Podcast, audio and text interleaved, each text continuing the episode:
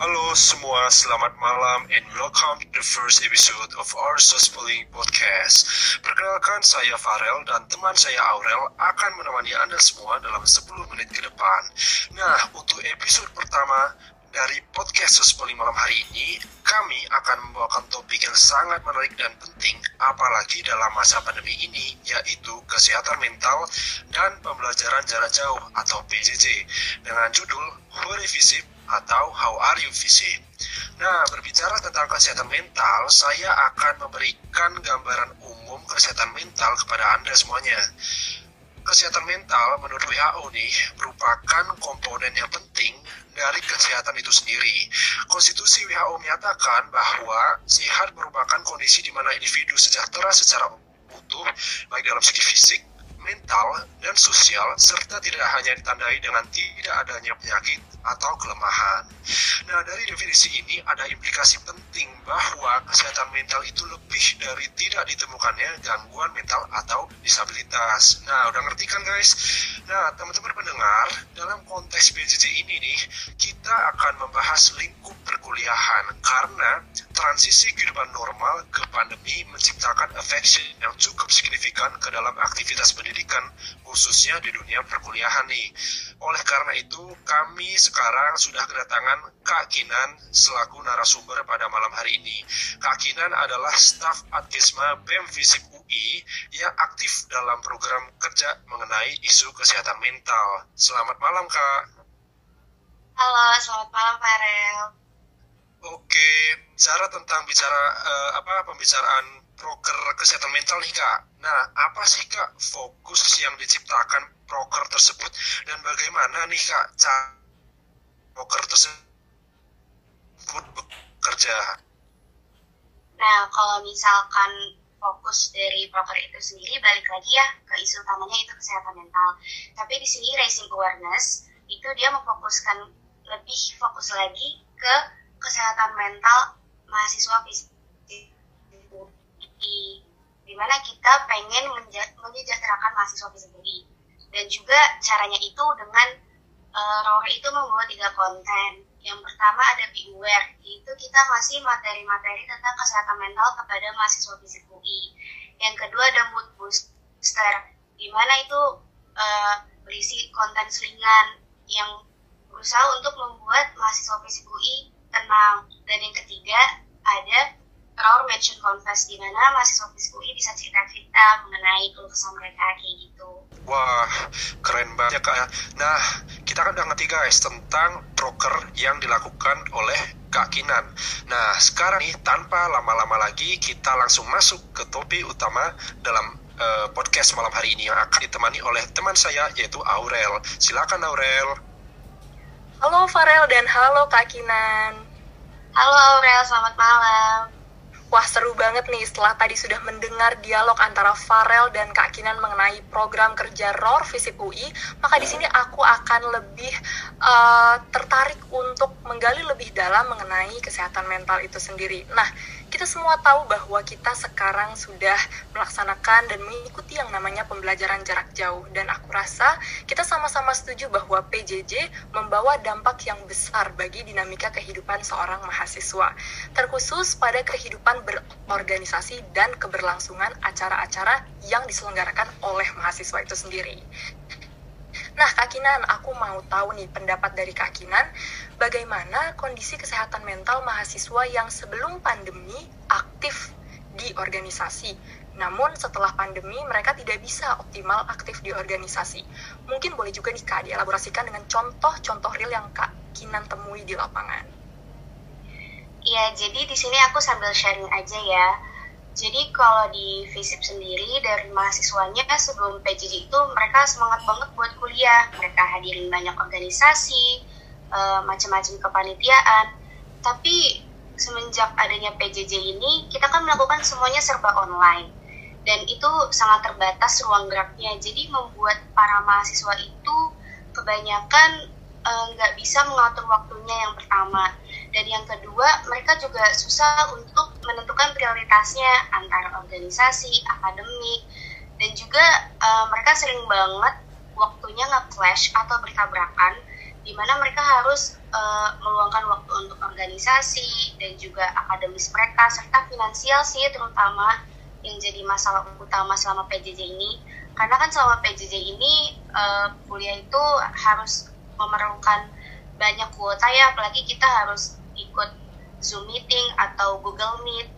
Nah kayak gitu sih. Dan kalau misalkan yang aku lihat di lapangan ya karena mereka sering curhat ke aku juga mereka sering banget berkeluh kesah tentang bagaimana dosen mereka itu uh, sering banget ganti jam kuliahnya secara tiba-tiba. Dan yang tadinya kuliahnya di hari kerja di weekdays tiba-tiba berubah jadi di hari libur di weekend dan waktunya itu nggak nentu.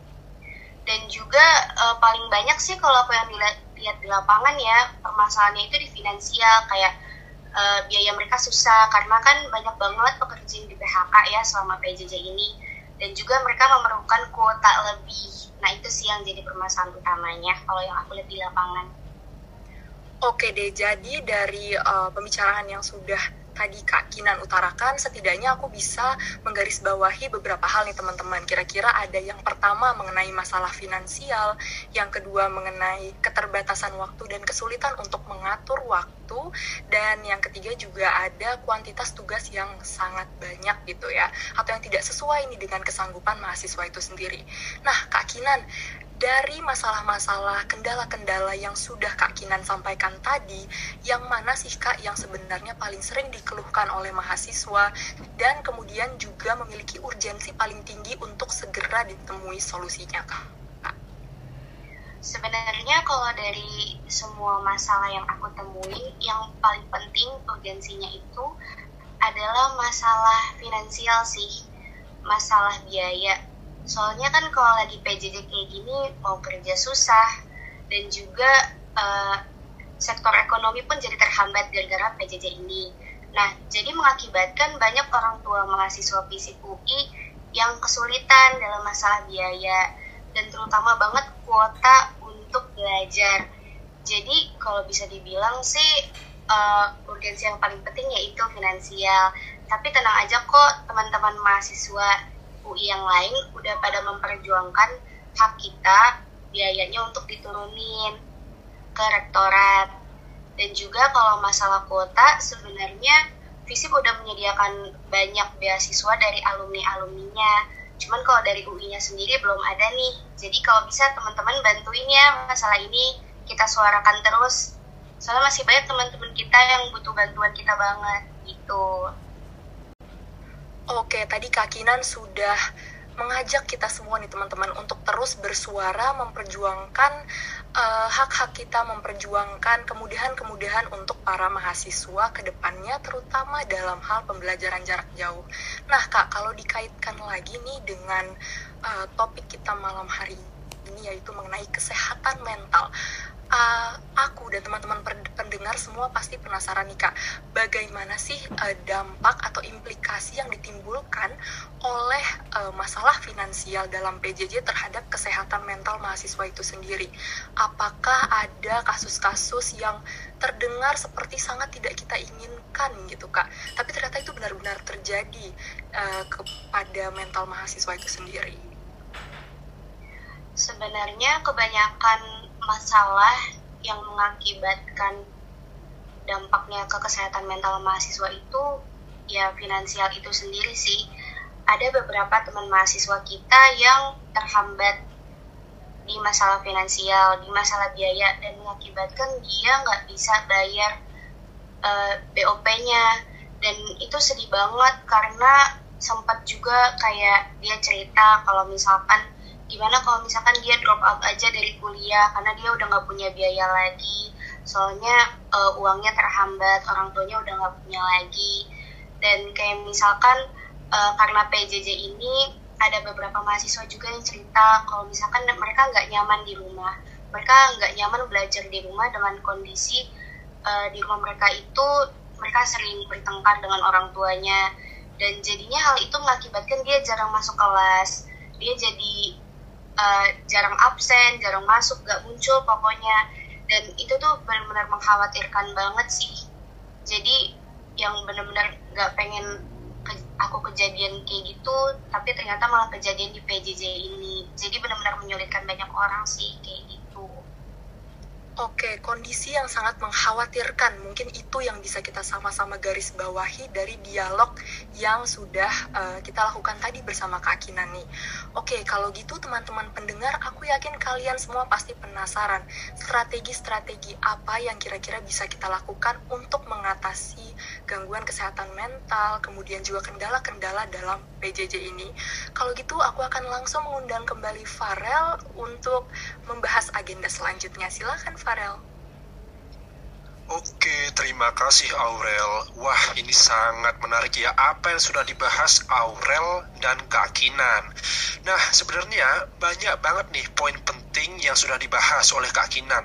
Tapi nih, kira-kira apa sih tips and trick secara general yang dapat diimplementasikan oleh semua lapisan masyarakat serta mencakup berbagai konteks. Apa nih Kak tips and trick general yang bisa diimplementasikan masyarakat Kak?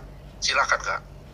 Oke, terima kasih Farel dan Aurel. Jadi kalau menurut aku sih tips and trick itu mulai dari diri kita ya. Bagaimana kita menjaga diri kita dengan kita makan secukupnya, gak lupa istirahat juga.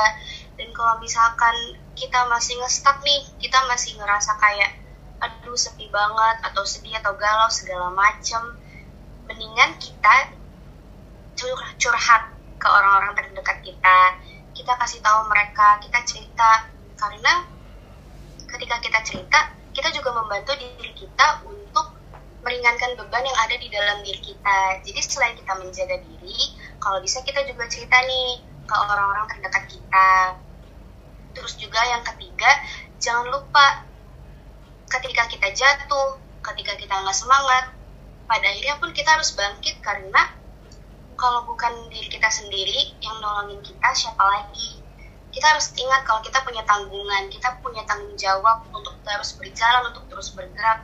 Karena kalau kita nggak kayak gini, semuanya bakal terbengkalai, nggak akan ada yang selesai. Sama aja kalau kita nggak coba lagi, kita bakal gagal. Kayak gitu sih menurut aku Wah, sangat solutif sekali ya. Semoga nih cara-cara yang sudah disampaikan oleh Kak Kinan dapat diterapkan oleh masyarakat luas dan terutama kita semua. Jadi nih guys, inti dari topik podcast malam hari ini adalah pentingnya kesehatan mental sehingga kita harus menjaga aspek kesehatan tersebut selayaknya kita menjaga kesehatan fisik kita sendiri. Terima kasih banyak ya Kak Kinan sudah hadir dan sharing banyak hal dengan kita pastinya pada malam hari ini. Terima kasih Kak. Iya, sama-sama. Makasih kembali.